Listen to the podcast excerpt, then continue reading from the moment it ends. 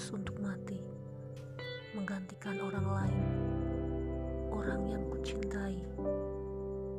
Bahkan mulia. Mestinya itu berarti sesuatu.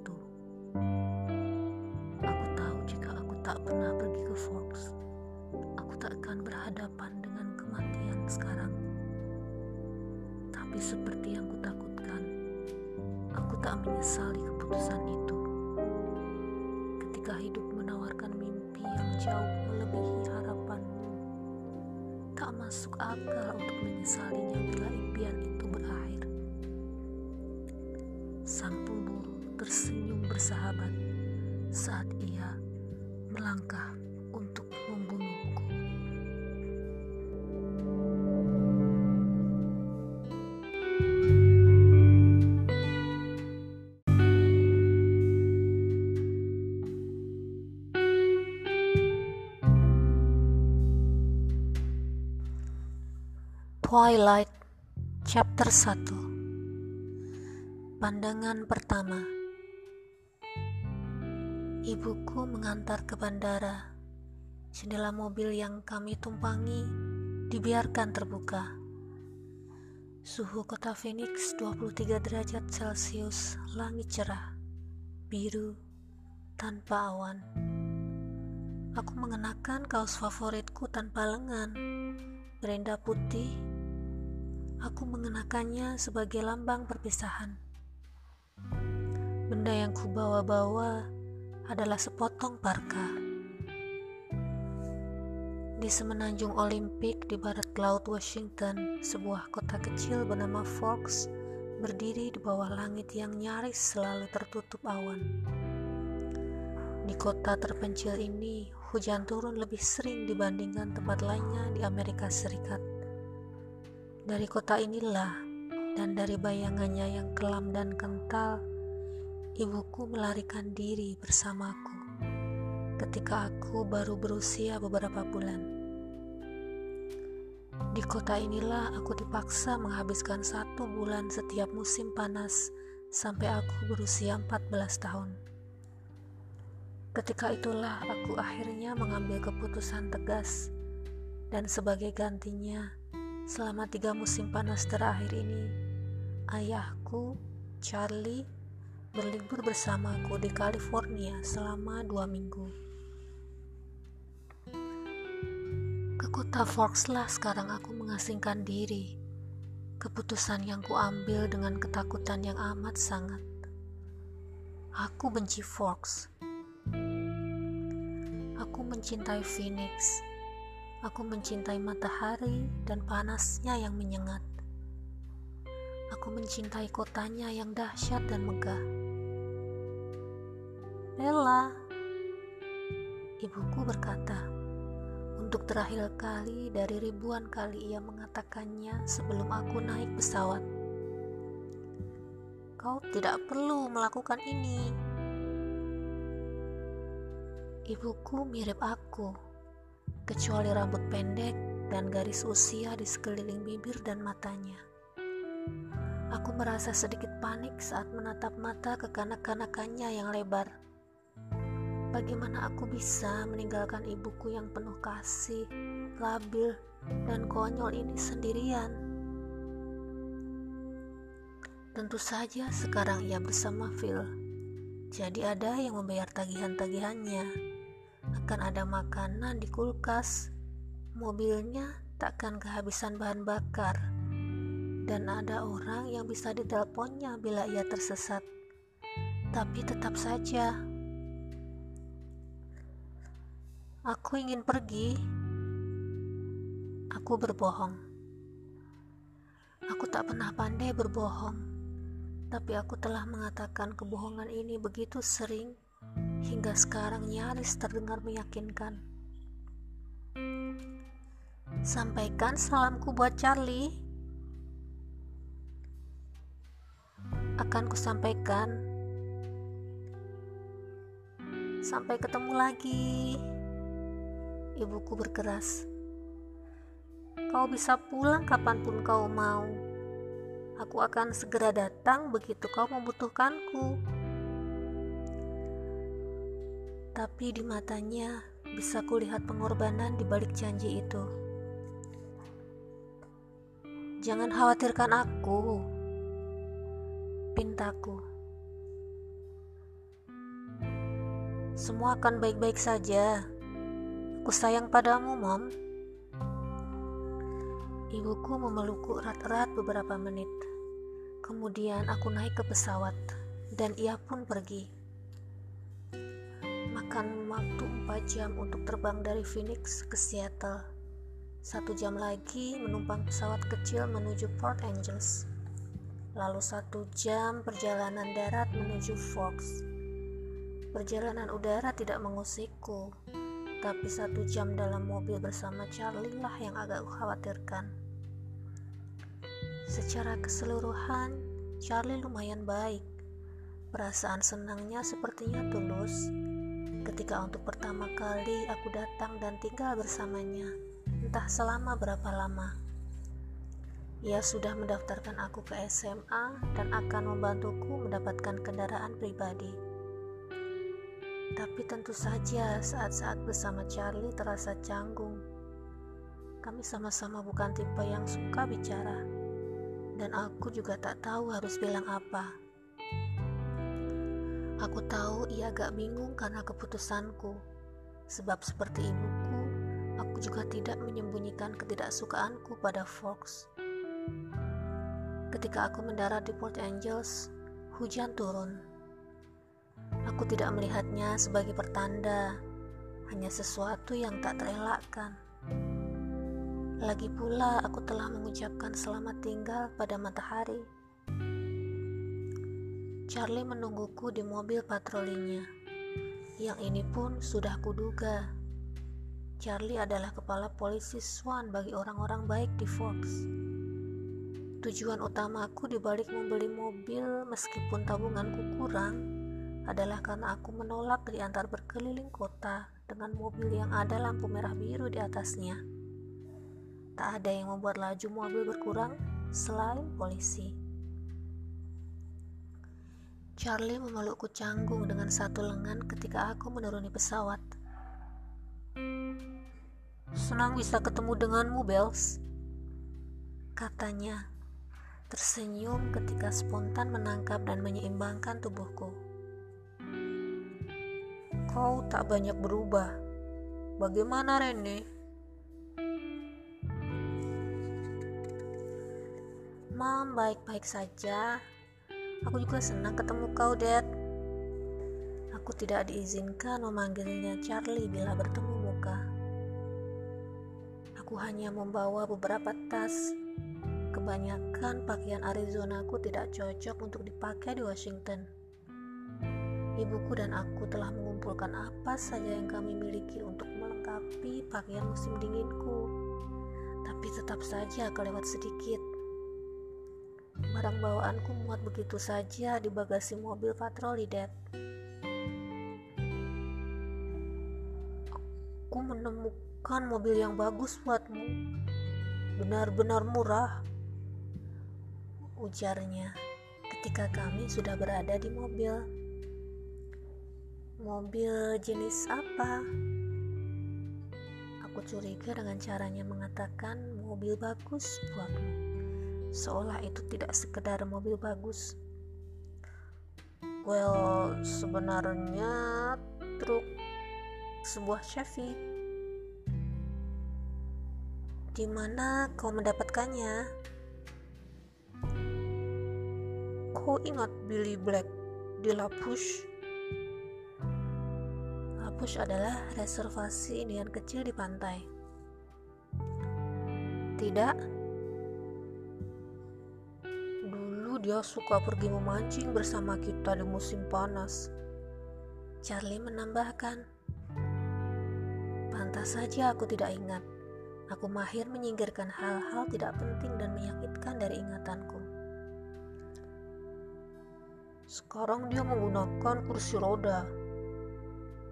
Charlie melanjutkan ketika aku diam saja. Jadi dia tidak bisa mengemudi lagi dan menawarkan truknya padaku dengan harga murah. Keluaran tahun berapa? Dari perubahan ekspresinya, aku tahu ia berharap aku tak pernah melontarkan pertanyaan ini. Well, Billy sudah merawat mesinnya dengan baik. Umurnya baru beberapa tahun kok. Sungguh harap Dad tidak menyepelekan aku dan berharap aku mempercayai kata-katanya dengan mudah. Kapan dia membelinya? Rasanya tahun 1984. Apa waktu dibeli masih baru? Well, tidak. Ku rasa membeli mobil itu keluaran awal 60-an atau setidaknya akhir 60-an, 50-an. Dad mengakui malu-malu. Dad, aku tidak tahu apa-apa tentang mobil. Aku tidak akan bisa memperbaikinya kalau ada yang rusak. Dan aku tidak sanggup membayar montir.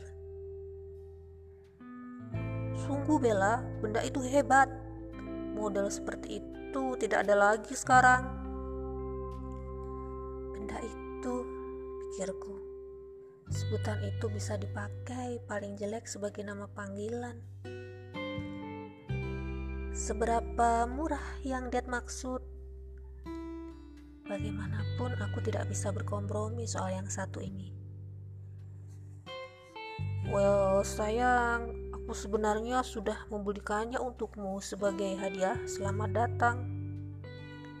Charlie melirikku dengan ekspresi penuh harap. Wow, gratis. Kau tak perlu melakukannya, Dad. Aku berencana membeli mobilku sendiri. Aku tidak keberatan kok. Aku ingin kau senang di sini. Ia memandang lurus ke jalan saat mengatakannya. Charlie merasa tak nyaman mengekspresikan emosinya. Aku mewarisi hal itu darinya. Jadi aku memandang lurus ke depan ketika menjawab. Asyik that, dreams. Aku sangat menghargainya. Tak perlu kutambahkan bahwa aku tak mungkin bahagia di Fox dan tidak perlu ikut menderita bersamaku. Dan aku tak pernah meminta truk gratis atau mesin. Well, sama-sama kalau begitu gumamnya, tersipu oleh ucapan terima kasihku.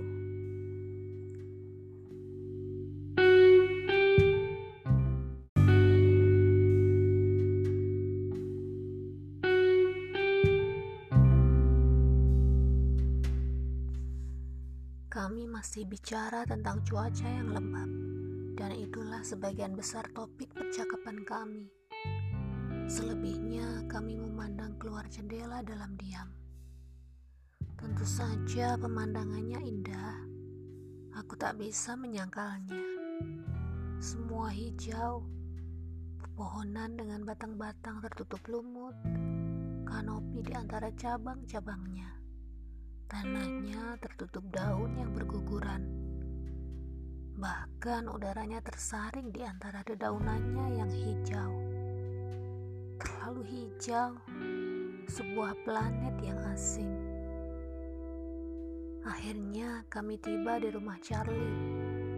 Ia masih tinggal di rumah kecil dengan dua kamar tidur yang dibelinya bersama ibuku pada awal pernikahan mereka. Hanya itu hari-hari pernikahan yang mereka miliki. Masa-masa awal di sana terparkir di jalanan di depan rumah yang tak pernah berubah tampak truk baruku. Well, baru buatku. Truk itu berwarna merah kusam dengan bemper dan kap yang melekuk dan besar. Yang membuatku amat terkejut, aku menyukainya. Aku tak tahu apakah benda itu bisa jalan, tapi bisa kubayangkan diriku berada di dalamnya. Ditambah lagi kendaraan itu jenis yang sangat kokoh yang tak bakal rusak, jenis yang bakal kutemukan di lokasi kecelakaan dengan cat tak tergores dan dikelilingi serpihan mobil yang telah dihantamnya. Wow, Dad, aku suka. Dreams. Sekarang, hari-hari menakutkan yang akan menjelang tak akan menakutkan lagi aku tak akan dihadapkan pada pilihan berjalan dua mil ke sekolah hujan-hujan ataukah menumpang mobil patroli polisi. Hmm, aku senang kau menyukainya, kata Charlie Parau. Sekali lagi merasa malu. Cuma butuh sekali angkut untuk membawa barang-barangku ke atas. Aku mendapat kamar tidur di sebelah barat yang menghadap ke halaman depan. Kamar itu sangat familiar. Itu kamar sejak aku dilahirkan. Lantai kayu, dinding biru cerah, langit-langit lancip, tirai berenda kekuningan yang membingkai jendela. Semua ini bagian masa kecilku. Satu-satunya perubahan yang dibuat Charlie adalah mengganti tempat tidur bayi menjadi tempat tidur sungguhan dan menambahkan meja seiring pertumbuhanku. Di meja itu sekarang ada komputer bekas dengan modem tersambung pada kabel telepon yang menempel di sepanjang lantai hingga colokan telepon terdekat. Ini permintaan ibuku supaya kami gampang berkomunikasi. Kursi goyang dari masa bayiku masih ada di sudut. Hanya ada satu kamar mandi kecil di lantai atas, dan aku harus memakainya dengan Charlie. Aku berusaha tidak terlalu memikirkan keadaan itu. Salah satu hal terbaik tentang Charlie adalah ia tidak pernah membuntutiku. Ia meninggalkanku sendirian untuk membongkar dan merapikan bawaanku. Perilaku yang tak mungkin kudapatkan dari ibuku. Rasanya menyenangkan bisa sendirian, tidak harus tersenyum dan tampak gembira lega bisa memandang burung keluar jendela, memandang hujan lebat dan membiarkan kesedihanku mengalir. Aku tidak sedang mood untuk menangis habis-habisan. Aku akan menyimpannya sampai saat tidur nanti, ketika aku harus memikirkan esok pagi. Total SMA Forks hanya memiliki sangat sedikit murid itu 357 sekarang 358 sementara murid SMP di tempat asalku dulu ada lebih dari 700 orang. Semua murid di sini tumbuh bersama-sama. Kakek nenek mereka menghabiskan masa kecil bersama. Aku akan jadi anak perempuan baru dari kota besar mengundang penasaran orang aneh Barangkali tak akan begitu jadinya bila aku berpenampilan seperti layaknya anak perempuan dari Phoenix. Tapi secara fisik aku tak pernah cocok berada di mana pun. Aku harus berkulit coklat, sporty, pirang, pemain voli, atau pemandu sorak mungkin. Segala sesuatu yang cocok dengan kehidupan di lembah matahari. Sebaliknya, aku malah berkulit kekuningan, bahkan tanpa mata biru atau rambut merah. Meskipun sering terpapar sinar matahari, tubuhku selalu langsing tapi lembek, jelas bukan atlet. Aku tak memiliki kemampuan koordinasi antara tangan dan mata untuk berolahraga tanpa mempermalukan diri sendiri melukai diriku serta siapa pun di dekatku. Ketika aku selesai memasukkan pakaian ke lemari tua dari kayu cemara, aku mengambil tas keperluan mandiku dan menuju kamar mandi untuk membersihkan diri setelah perjalanan sehari. Aku memandang wajahku di cermin sambil menyisir rambutku yang lembab dan kusut. Barangkali tipuan cahaya, tapi aku terlihat pucat, tidak sehat. Kulitku bisa saja cantik, bening, nyaris transparan. Kami semua itu tergantung warna. Di sini aku tidak memiliki Memandang pantulan wajah pucatku di cermin, aku terpaksa mengakui sedang membohongi diri sendiri. Bukan secara fisik saja aku tak pernah cocok. Dan kalau aku tak bisa menemukan tempat cocok di sekolah berpopulasi 300 orang, kesempatan apa yang kupunya di sini? Hubunganku dengan orang-orang sebayaku tidak bagus. Barangkali sebenarnya hubunganku dengan orang-orang tak pernah bagus. Titik. Bahkan ibuku, orang terdekat denganku dibandingkan siapa pun di dunia ini, tak pernah selaras denganku. Tak pernah benar-benar sepaham. Kadang-kadang aku membayangkan apakah aku melihat hal yang sama seperti yang dilihat orang lain di dunia ini mungkin ada masalah dengan otakku. Tapi penyebabnya tidak penting. Yang penting adalah akibatnya. Dan esok baru permulaannya.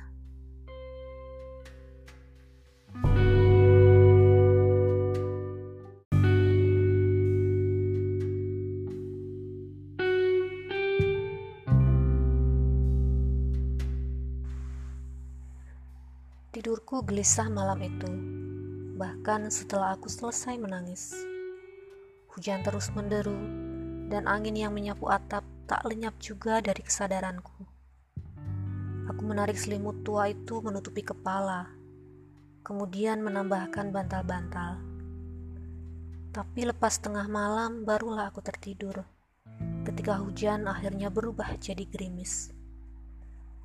Paginya hanya kabut tebal yang bisa kulihat dari jendela kamarku dan bisa kurasakan klaustrofobia merayapi tubuhku. Di sini kau tak pernah bisa melihat langit, seperti di kandang. Sarapan bersama Charlie berlangsung hening. Ia mendoakan supaya aku berhasil di sekolah. Aku berterima kasih padanya meski tahu doanya sia-sia keberuntungan selalu menjauhiku. Charlie berangkat duluan menuju kantor polisi yang menjadi istri dan keluarganya. Setelah ia pergi, aku duduk di meja kayu ek persegi tua itu. Di salah satu dari tiga kursi yang tak serasi, mengamati dapur kecilnya dengan dinding panelnya yang gelap, rak kuning terang, serta lantai linoleumnya yang putih. Tak ada yang berubah. 18 tahun yang lalu, ibuku mengecat arah itu dengan harapan bisa membawa sedikit kecerahan di rumah. Di atas perapian, bersebelahan dengan ruang keluarga yang mungil, tampak berderet foto-foto. Yang pertama, foto pernikahan Charlie dan ibuku di Las Vegas. Kemudian foto kami di rumah sakit setelah aku lahir, yang diambil oleh seorang perawat diikuti rangkaian fotoku semasa sekolah hingga tahun lalu. Aku malu melihatnya. Aku harus mencari cara supaya Charlie mau memindahkannya ke tempat lain. Setidaknya selama aku tinggal di sini. Rasanya mustahil berada di rumah ini dan tidak menyadari bahwa Charlie belum bisa melupakan ibuku. Itu membuatku tidak nyaman. Aku tak mau terburu-buru ke sekolah, tapi aku tak bisa tinggal di rumah lebih lama lagi. Aku mengenakan jaketku yang rasanya seperti pakaian anti radiasi dan menerobos hujan. Hujan masih gerimis, tapi tak sampai membuatku basah kuyup ketika meraih kunci rumah yang selalu disembunyikan di bawah daun pintu dan menguncinya. Suara dicitan sepatu bot anti airku yang baru membuatku takut. aku merindukan bunyi keretakan kerikil saat aku berjalan. Aku tak bisa berhenti dan mengagumi trukku lagi seperti yang kuinginkan. Aku sedang terburu-buru keluar dari kabut lembab yang menyelubungi kepalaku dan hinggap di rambutku di balik tudung jaket. Dalam truk nyaman dan kering. Entah Billy atau Charlie pasti telah membersihkannya, tapi dari jok berlapis kulit coklat itu samar-samar masih tercium bau tembakau, bensin, dan peppermint.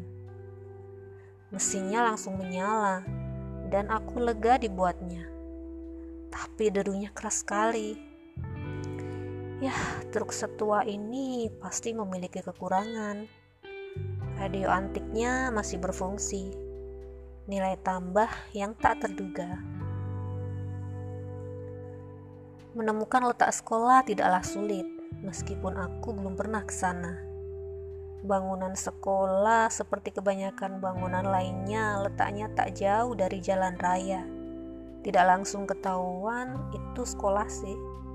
Hanya papan namanya yang menyatakan bangunan itu sebagai SMA Fox yang membuatku berhenti. Bangunannya seperti sekumpulan rumah serasi, dibangun dengan batu bata warna marun. Ada banyak sekali pohon dan semak-semak, sehingga awalnya aku tak bisa mengira-ngira luasnya. Di mana aura institusinya? Aku membayangkan sambil bernostalgia di mana pagar-pagar berantai dan pendeteksi logamnya. Aku parkir di depan bangunan pertama yang memiliki papan tanda kecil di atas pintu. Bunyinya tata usaha. Tak ada yang parkir di sana, sehingga aku yakin itu daerah parkir khusus. Tapi aku memutuskan akan bertanya di dalam daripada berputar-putar di bawah guyuran hujan seperti orang tolol. Dengan enggan, aku melangkah keluar dari trukku yang nyaman dan hangat, menyusuri jalan setapak dari bebatuan kecil berpagar warna gelap. Sebelum membuka pintu, aku menghirup napas dalam-dalam. Di dalam keadaan cukup terang dan lebih hangat dari yang kuharap.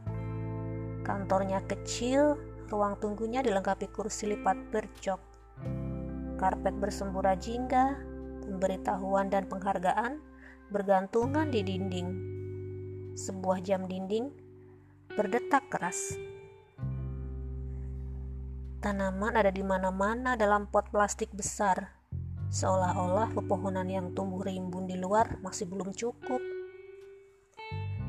Ruangan itu dibagi dua oleh konter panjang, berantakan karena keranjang-keranjang kawat penuh kertas. Pamflet-pamflet warna terang direkatkan di depannya. Ada tiga meja di balik konter. Salah satunya dihuni wanita bertubuh besar berambut merah yang mengenakan kacamata. Ia mengenakan t-shirt ungu yang membuatku merasa pakaianku berlebihan. Wanita berambut merah itu mendongak. Bisa ku bantu? Aku Isabella Swan, kataku. Kulihat matanya berkilat terkejut. Tak diragukan lagi, aku akan segera menjadi topik gosip. Putri mantan istri kepala polisi yang bertingkah akhirnya pulang. Tentu saja, katanya. Ia mengaduk-ngaduk tumpukan dokumen di mejanya hingga menemukan yang dicarinya. Ini jadwal pelajaranmu dan peta sekolah. Ia membawa beberapa lembar ke meja konter dan memperlihatkannya padaku.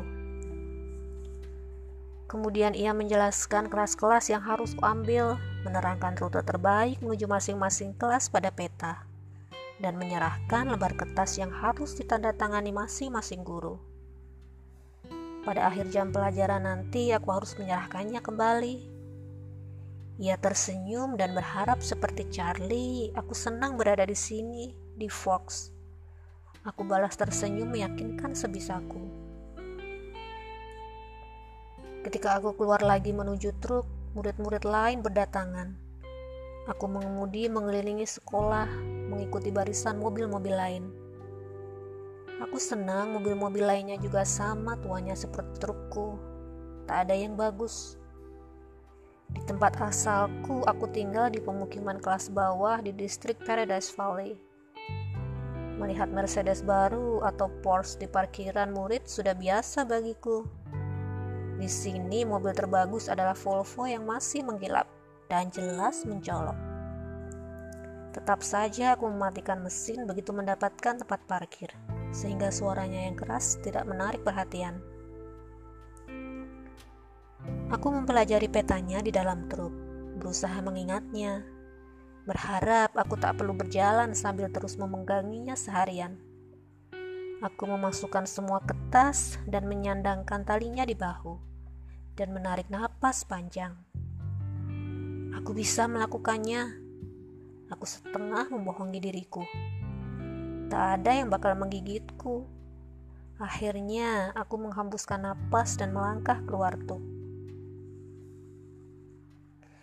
Kubiarkan wajahku tersamarkan tudung jaket ketika berjalan melintasi trotoar yang dipenuhi remaja. Jaket hitam polosku tidak mencolok. Aku menyadarinya dengan perasaan lega. Begitu sampai di kafetaria gedung tiga dengan mudah kutemukan. Angka tiga hitam besar dicat di kotak persegi putih di pojok sebelah timur. Aku mendapati napasku pelan-pelan berubah terengah-engah begitu mendekati pintunya. Aku berusaha menampar napas ketika mengikuti dua orang mengenakan jas hujan unisex melewati pintu. Kelasnya kecil, orang-orang di depanku berhenti tepat di muka pintu untuk menggantungkan tas hujan mereka di tiang gantungan yang panjang. Aku mencontoh mereka, mereka dua orang gadis, yang satu berambut pirang, yang lain juga berkulit pucat. Rambutnya coklat muda. Setidaknya warna kulitku tak bakal mencolok di sini.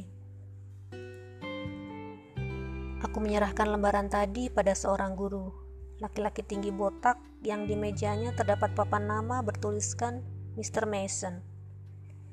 Ia melongo menatapku ketika melihat namaku, bukan respon yang membangun dan tentu saja wajahku memerah seperti tomat. Tapi setidaknya ia menyuruhku duduk di meja kosong di belakang tanpa memperkenalkanku pada teman-teman sekelas. Sulit bagi teman-teman baruku untuk menatapku di belakang, tapi entah bagaimana mereka bisa melakukannya. Aku terus menunduk, memandangi daftar bacaan yang diberikan guruku. Bacaan dasar, Bronte, Shakespeare, Chaucer, Faulkner. Aku sudah pernah membaca semuanya. Menyenangkan dan membosankan. Aku membayangkan apakah ibuku mau mengirimkan folder esai-esai lamaku atau apakah menurut dia itu sama dengan menyontek. Aku berdebat dengannya dalam benakku sementara guru terus bicara.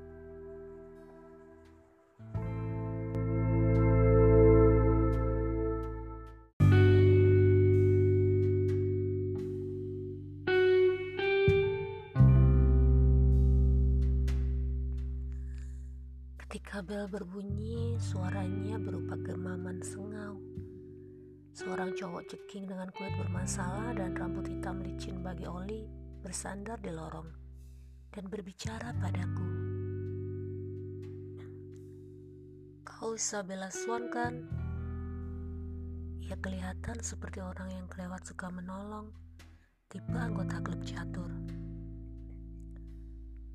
Bella, aku meralatnya. Semua orang dalam jarak tiga kursi berbalik menghadapku. Habis ini kau masuk kelas apa? Tanyanya. Aku harus memeriksa dulu di dalam tasku. Hmm, pemerintahan dengan Jefferson di gedung 6. Aku tak bisa melihat ke mana pun tanpa beradu pandang dengan mata-mata penasaran. Aku akan ke gedung 4, aku bisa menunjukkannya padamu. Aku Erik. Jelas dia tipe kelewat yang suka menolong. Aku tersenyum hati-hati. Terima kasih. Kami mengambil jaket dan menerobos hujan yang sudah reda. Aku berani bersumpah beberapa orang di belakang kami berjalan cukup dekat supaya bisa menguping. Kuharap aku tidak menjadi paranoid. Jadi ini sangat berbeda dengan Phoenix, huh? Tanyanya. Sangat. Di sana tidak sering hujan kan? Tiga atau empat kali setahun.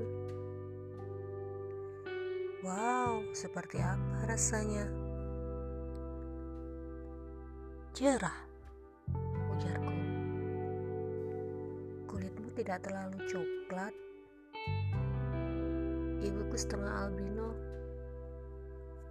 Ia mengamati wajahku dengan was-was, dan aku mendesah.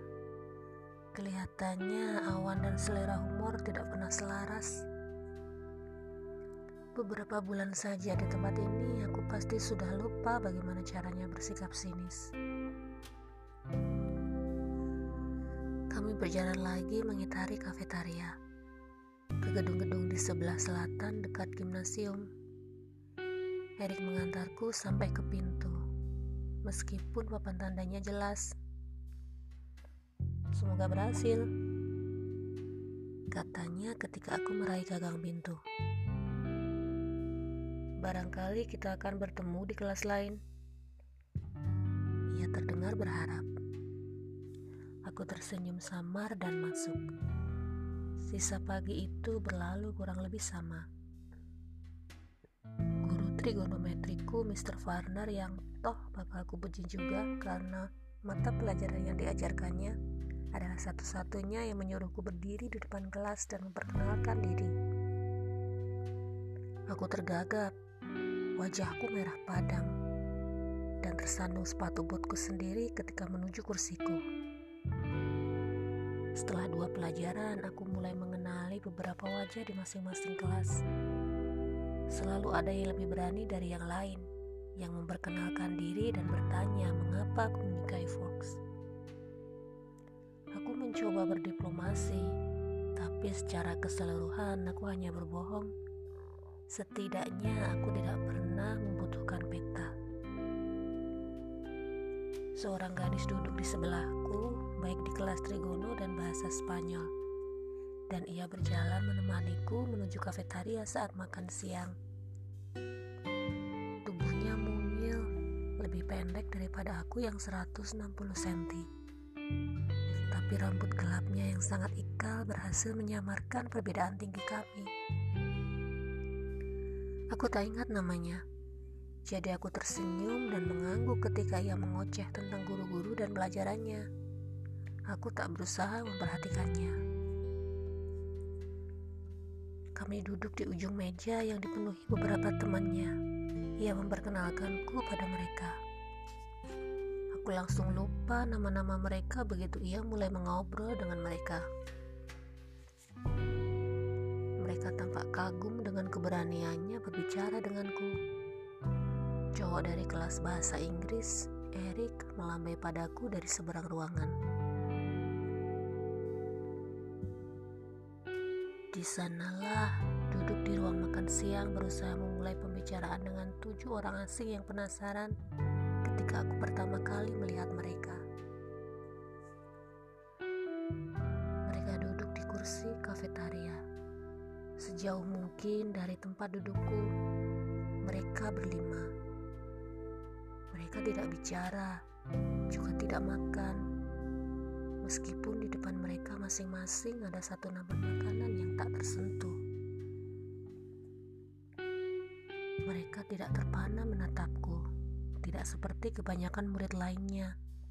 Jadi rasanya aman memandangi mereka tanpa takut bakal beradu pandang dengan sepasang mata yang kelewat penasaran. Tapi bukan ini yang menarik perhatianku.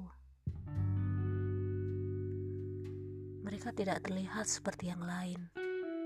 Dari tiga cowok, yang satu bertubuh besar, berotot seperti atlet angkat besi profesional. Rambutnya gelap ikal. Yang lain lebih tinggi, lebih langsing, tapi juga berotot dan rambutnya pirang keemasan. Yang terakhir kurus dengan rambut berwarna perunggu yang berantakan. Ia lebih kekanakan daripada yang dua lagi yang kelihatannya sudah kuliah atau bahkan bisa jadi guru di sini dan bukannya murid.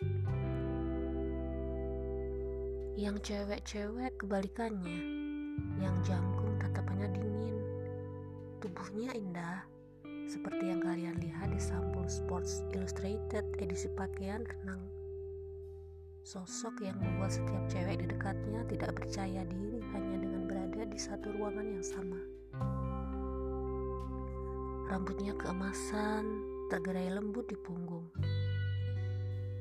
Gadis yang bertumbuh pendek seperti peri, sangat kurus, perawakannya mungil. Rambutnya hitam gelam, dipotong pendek dan lancip-lancip. Namun toh mereka sama persis. Mereka pucat pasi, paling pucat dari semua murid yang hidup di kota tanpa matahari ini lebih pucat daripada aku, si albino. Mata mereka sangat gelap, begitu kontras dengan warna rambut mereka. Mereka juga memiliki kantong mata keunguan, memar seperti bayangan. Seolah-olah mereka melewati malam panjang tanpa bisa tidur, atau baru saja hampir sumbuh dari patah hidung Terlepas dari hidung mereka, semua garis tubuh mereka lurus, sempurna, kaku. Tapi bukan semua itu yang membuatku tak bisa berpaling. Aku memandangi mereka karena wajah mereka begitu berbeda, namun sangat mirip. Semuanya luar biasa, keindahan yang memancarkan kekejaman. Mereka wajah-wajah yang tak pernah kau harapkan bakal kau lihat kecuali di halaman majalah fashion atau dilukis seorang pelukis ahli sebagai wajah malaikat. Sulit memutuskan siapa yang paling indah. Mungkin cewek berambut pirang yang sempurna itu atau si cowok berambut perunggu. Mereka semua mengalihkan pandangan dari satu sama lain, dari murid-murid lain, dari segala sesuatu sejauh yang kulihat. Ketika aku memperhatikan si cewek mungil bangkit membawa nampan kaleng sodanya belum dibuka. Apelnya masih utuh dan berlalu sambil melompat cepat dan indah. Gerakan yang bisa dilakukan di landasan pacu. Aku terus mengawasinya, mengagumi langkah luasnya yang bagai penari, sampai ia menaruh nampannya di tempat nampan kotor dan melayang lewat pintu belakang. Lebih cepat dari yang kupikir mungkin dilakukannya. Mataku tertuju kembali ke yang lain yang sama sekali tak beranjak. Siapa mereka? Aku bertanya pada cewek dari kelas bahasa Spanyolku yang aku lupa namanya.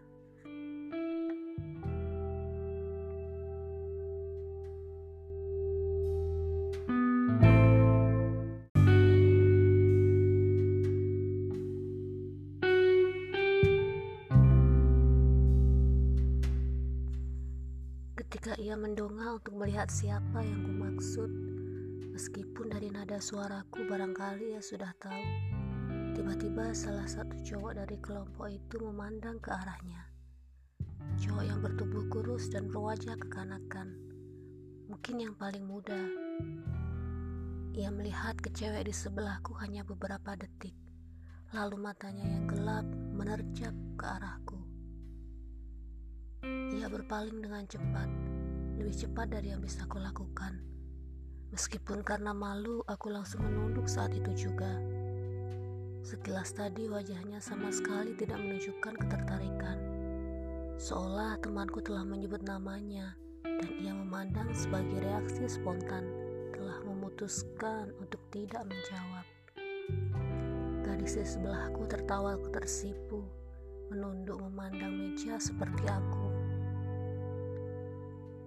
Itu Edward dan Emmett Cullen, serta Rosalie dan Jasper Hale yang baru saja pergi namanya Alice Cullen. Mereka tinggal bersama Dr. Cullen dan istrinya. Ia mengatakannya dengan berbisik. Aku melirik cowok tampan itu yang sekarang sedang memandangi nampannya, mencubit-cubit pegelnya dengan cari-cari yang panjang dan pucat. Mulutnya bergerak sangat cepat, bibirnya yang sempurna nyaris tidak terbuka. Yang tiga lagi masih membuang muka, namun aku merasa ia berbicara diam-diam pada mereka. Nama-nama aneh yang tidak populer, pikirku. Nama-nama yang dimiliki generasi kakek nenek. Tapi barangkali di sini nama-nama itu populer, khas nama-nama kota kecil. Aku akhirnya ingat cewek di sebelahku bernama Jessica, nama yang sangat umum. Di kelas sejarah di sekolah tempat asalku ada dua cewek bernama Jessica. Mereka sangat tampan dan cantik. Dengan susah payah aku menyatakan komentar yang mencolok itu. Ya benar, Jessica setuju seraya terkekel lagi. Dan mereka selalu bersama-sama. Emma dan Rosalie dan Jasper dan Alice maksudku. Dan mereka tinggal bersama-sama. Suaranya mewakili keterkejutan dan ketidaksetujuan kota kecil ini, pikirku kritis. Tapi kalau mencoba jujur, harus kuakui, bahkan di Phoenix pun hal itu akan menimbulkan gunjingan. Yang mana di antara mereka yang bermarga Kalen? Tanyaku. Mereka tidak kelihatan seperti satu keluarga. Oh, memang tidak, Dokter Kalen masih sangat muda, kira-kira 20-an atau awal 30-an. Mereka semua anak adopsi. Yang bermarga Hel adalah sepasang kembaran laki-laki dan perempuan. Yang pirang mereka anak angkat. Mereka kelihatannya agak terlalu tua untuk menjadi anak angkat. Sekarang memang Jasper dan Rosalie umurnya 18, tapi mereka sudah hidup bersama-sama Mrs. Cullen sejak masih 8 tahun. Mrs. Cullen bibi mereka atau seperti itulah.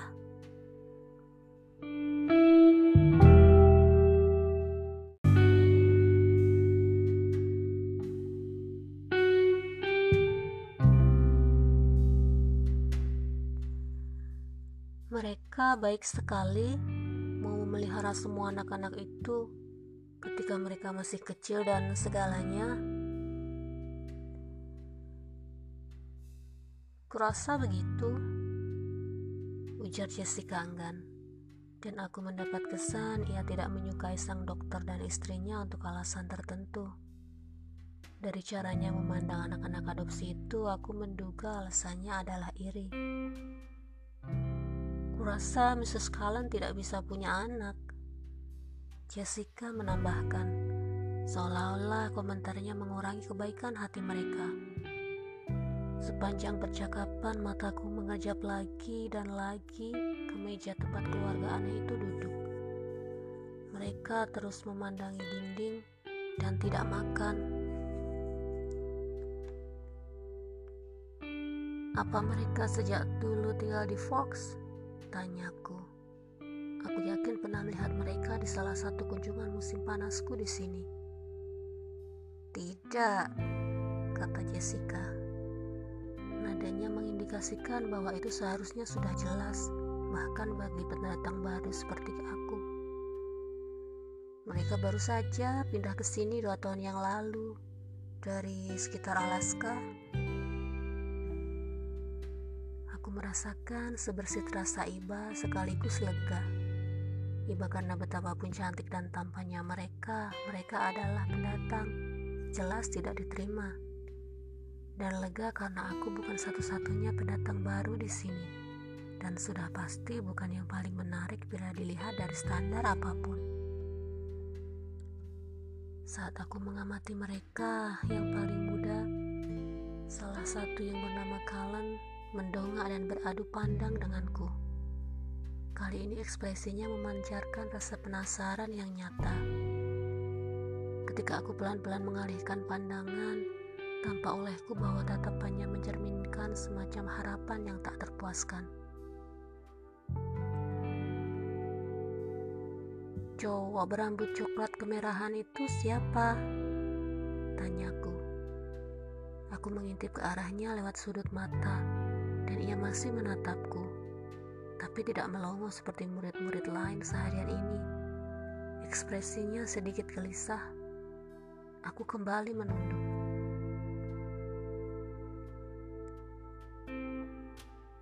Itu Edward. Dia tampan tentu saja. Tapi jangan buang-buang waktu. Dia tidak berkencan. Kelihatannya tak satu pun cewek di sini cukup cantik baginya. Jessica mendengus. Sikapnya jelas-jelas pahit. Aku membayangkan kapan Edward menampiknya. Aku menggigit bibir untuk menyembunyikan senyumku. Lalu aku kembali memandang Edward. Ia sudah memalingkan wajah, tapi rasanya pipinya seperti tertarik, seolah-olah ia juga tersenyum. Beberapa menit kemudian mereka berempat meninggalkan meja bersama-sama. Tak diragukan lagi mereka sangat anggun, bahkan yang bertubuh besar dan berotot. Aku kecewa menyaksikan kepergian mereka. Yang bernama Edward tidak menoleh ke arahku lagi. Aku duduk di meja bersama Jessica dan teman-temannya lebih lama daripada kalau aku duduk sendirian. Aku tak ingin terlambat tiba di kelas pada hari pertamaku di sekolah. Salah satu kenalan baruku yang dengan baik hati mau mengingatkan lagi bahwa namanya Angela juga mengambil kelas biologi 2 bersamaku pada jam berikutnya. Kami berjalan ke kelas bersama-sama tanpa bicara. Ia juga pemalu Ketika kami memasuki kelas, Angela duduk di meja lab yang bagian atasnya berwarna hitam. Persis yang dulu sering kutempati. Ia sudah punya teman sebangku. Malah sebenarnya semua meja terisi, kecuali satu yang masih kosong. Di sisi gang tengah, aku mengenali Edward Cullen dari rambutnya yang tidak biasa, duduk di sebelah kursi yang kosong. Saat aku menyusuri gang untuk memperkenalkan diri kepada guru dan memintanya menandatangani kertasku, aku diam-diam memperhatikan Edward. Ketika aku melewatinya, tiba-tiba duduknya jadi kaku. Ia menatapku lagi. Mataku bertemu pandang dengan sepasang mata dengan ekspresi paling aneh. Tidak bersahabat, gusar.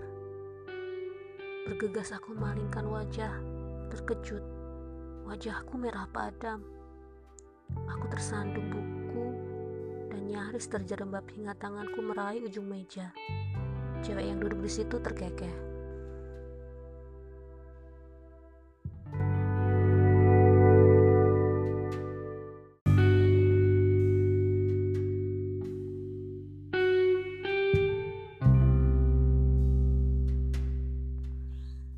Saat itulah Aku memperhatikan bahwa matanya berwarna hitam, hitam legam. Mr. Banner menandatangani kertasku dan menyerahkan sebuah buku tanpa berbasa-basi tentang perkenalan. Bisa kukatakan kami bakal cocok. Tentu saja dia tak punya pilihan kecuali menyuruhku menempati kursi yang kosong di tengah kelas. Aku terus menunduk ketika menempatkan diriku di sisinya bingung oleh tatapan antagonis yang dilemparkannya padaku. Tanpa mengangkat wajah, ku atur bukuku di meja lalu duduk. Tapi dari sudut mata bisa kulihat posturnya berubah. Ia menjauh dariku. Duduk di ujung kursi memalingkan wajah seolah-olah mencium aroma yang tidak enak. Diam-diam aku mengendus rambutku. Aromanya seperti stroberi, aroma shampoo kesukaanku. Sepertinya baunya cukup enak. Kubiarkan rambutku tergerai di bahu kanan sebagai penghalang di antara kami dan mencoba berkonsentrasi pada pelajaran. Tapi sialnya pelajaran saat itu mengenai anatomi seluler, sesuatu yang sudah pernah kupelajari. Meski begitu, aku tetap mencatat dengan teliti dan selalu menunduk. Aku tak bisa menahan diri dan sesekali mengintip lewat celah rambutku ke cowok aneh di sebelahku. Sepanjang pelajaran ia tak pernah duduk santai di ujung kursinya, sejauh mungkin dariku. Aku bisa melihat tangannya yang mengepal diletakkan di paha kiri. Otot-ototnya menyembul di balik kulit pucatnya. Untuk yang satu ini, ia juga tak pernah santai. Lengan panjang kaos putihnya digulung sampai siku dan mengejutkan karena lengannya kekar dan berotot di balik kulitnya yang pucat. Ia tidak kelihatan sekurus itu ketika berdampingan dengan kakaknya yang berperawakan gagah dan besar. Pelajaran kali ini kelihatannya lebih lama daripada yang lain. Apa itu karena sekolah sudah hampir usai? Atau karena aku sedang menunggu kepalan tangannya mengendur. Tangannya terus terkepal. Ia duduk bergeming sampai-sampai ia seolah-olah tidak bernapas. Apa yang salah dengannya? Apakah ini perilaku normalnya? Aku mempertanyakan penilaian Jessica yang ketus saat makan siang tadi. Barangkali cewek itu tidak sebenci yang kupikir. Tak mungkin ada hubungannya denganku. Ia sama sekali tak mengenalku. Sekali lagi aku mengintip dan menyesalinya. Ia sedang menatapku. Matanya ingin hitam penuh rasa jijik. Ketika aku mengalihkan pandang, menciut di kursiku, tiba-tiba frase bila rupa bisa membunuh melintas di benakku. Bel berbunyi keras, membuatku terperanjat. Edward Cullen bangkit dari duduk. Dengan luwes ia berdiri. Ia lebih tinggi daripada yang kukira. Memunggungiku dan ia sudah keluar dari pintu sebelum yang lain beranjak dari kursi mereka. Aku duduk membeku menatapnya tak berkedip. Ia jahat sekali. Ini tidak adil. Perlahan-lahan aku mulai membereskan barang-barangku mencoba mengenyahkan kemarahan yang menyelimutiku, sebab khawatir air mataku bakal mengenang. Untuk beberapa alasan, emosiku melekat erat dengan saluran air mataku. Kalau marah, aku biasanya menangis, kebiasaan memalukan.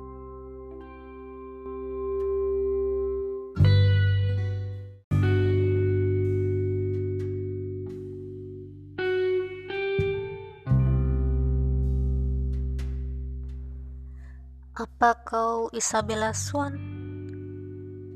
Terdengar suara cowok bertanya. Aku mengangkat kepala dan melihat seorang cowok bertampang imut dan tampan. Rambutnya yang pirang pucat dijel membentuk spike yang teratur. Ia tersenyum ramah. Ia jelas tidak menganggap bauku tidak enak. Bella, ralatku tersenyum. Aku Mike. Hai Mike. Kau butuh bantuan mencari kelasmu selanjutnya? Sebenarnya aku mau ke gimnasium. Kurasa aku bisa menemukannya. Itu juga kelasku berikutnya. Dia tampak senang meskipun itu bukan kebetulan yang luar biasa di sekolah kecil ini. Kami berjalan bareng ke gimnasium. Ya ternyata cowok yang senang mengobrol. Kebanyakan topik pembicaraan kami berasal darinya, memudahkan segalanya buatku. Ia tinggal di California sampai umur 10 tahun, jadi ia tahu bagaimana perasaanku tentang matahari. Dari pembicaraan kami, aku jadi tahu ia juga sekelas denganku di bahasa Inggris. Ia orang paling ramah yang kutemui hari ini.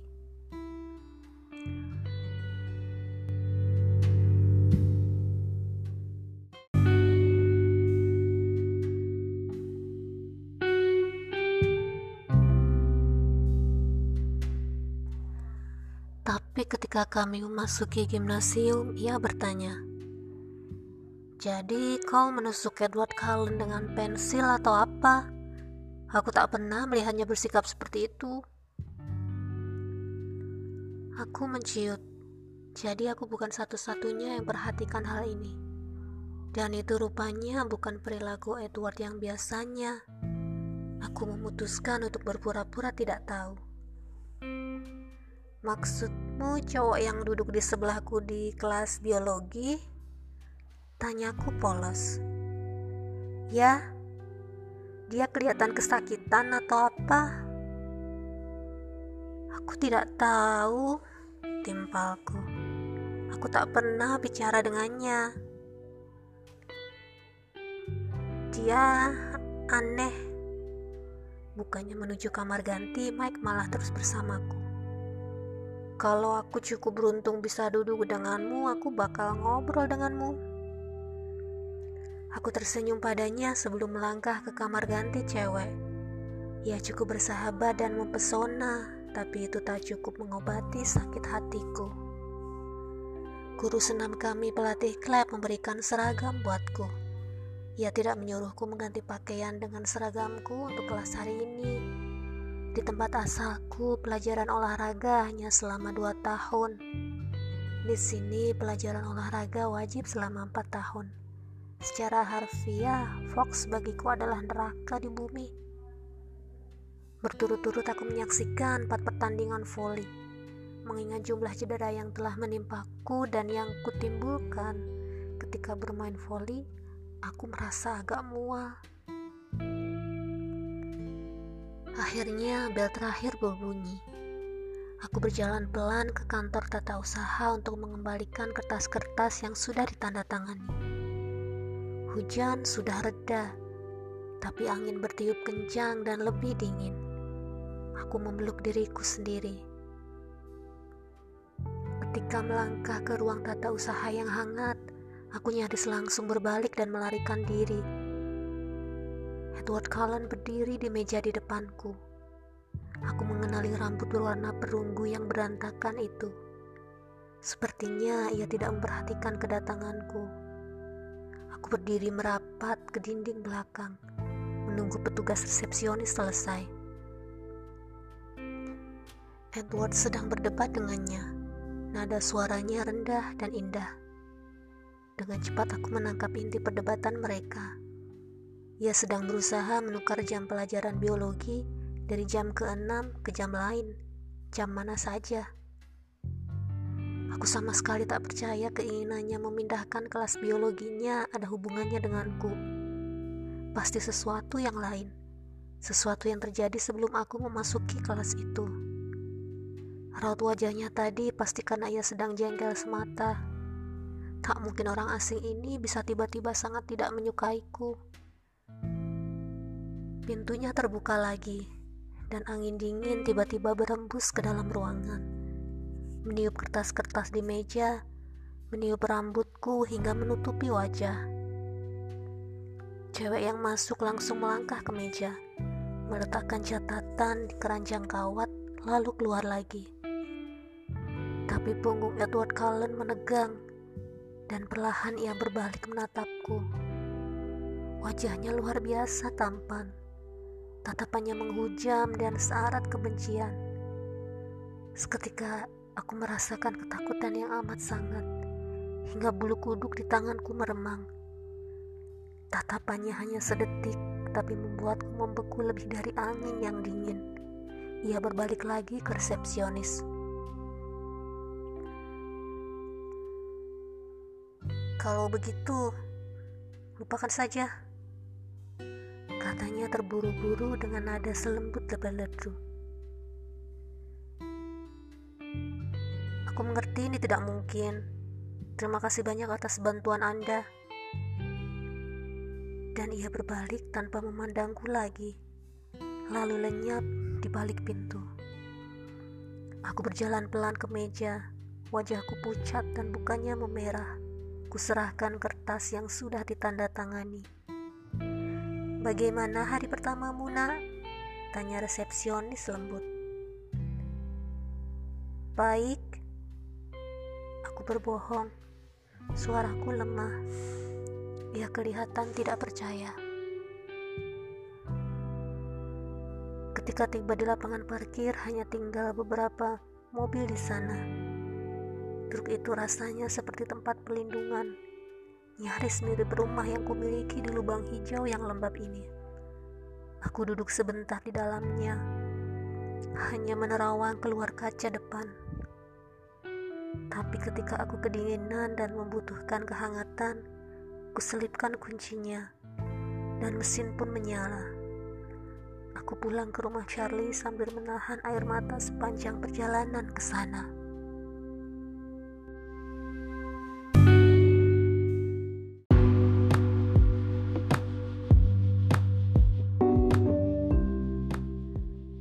Terima kasih sudah mendengarkan. Jangan lupa untuk like, subscribe, dan komen ya. Tunggu chapter selanjutnya.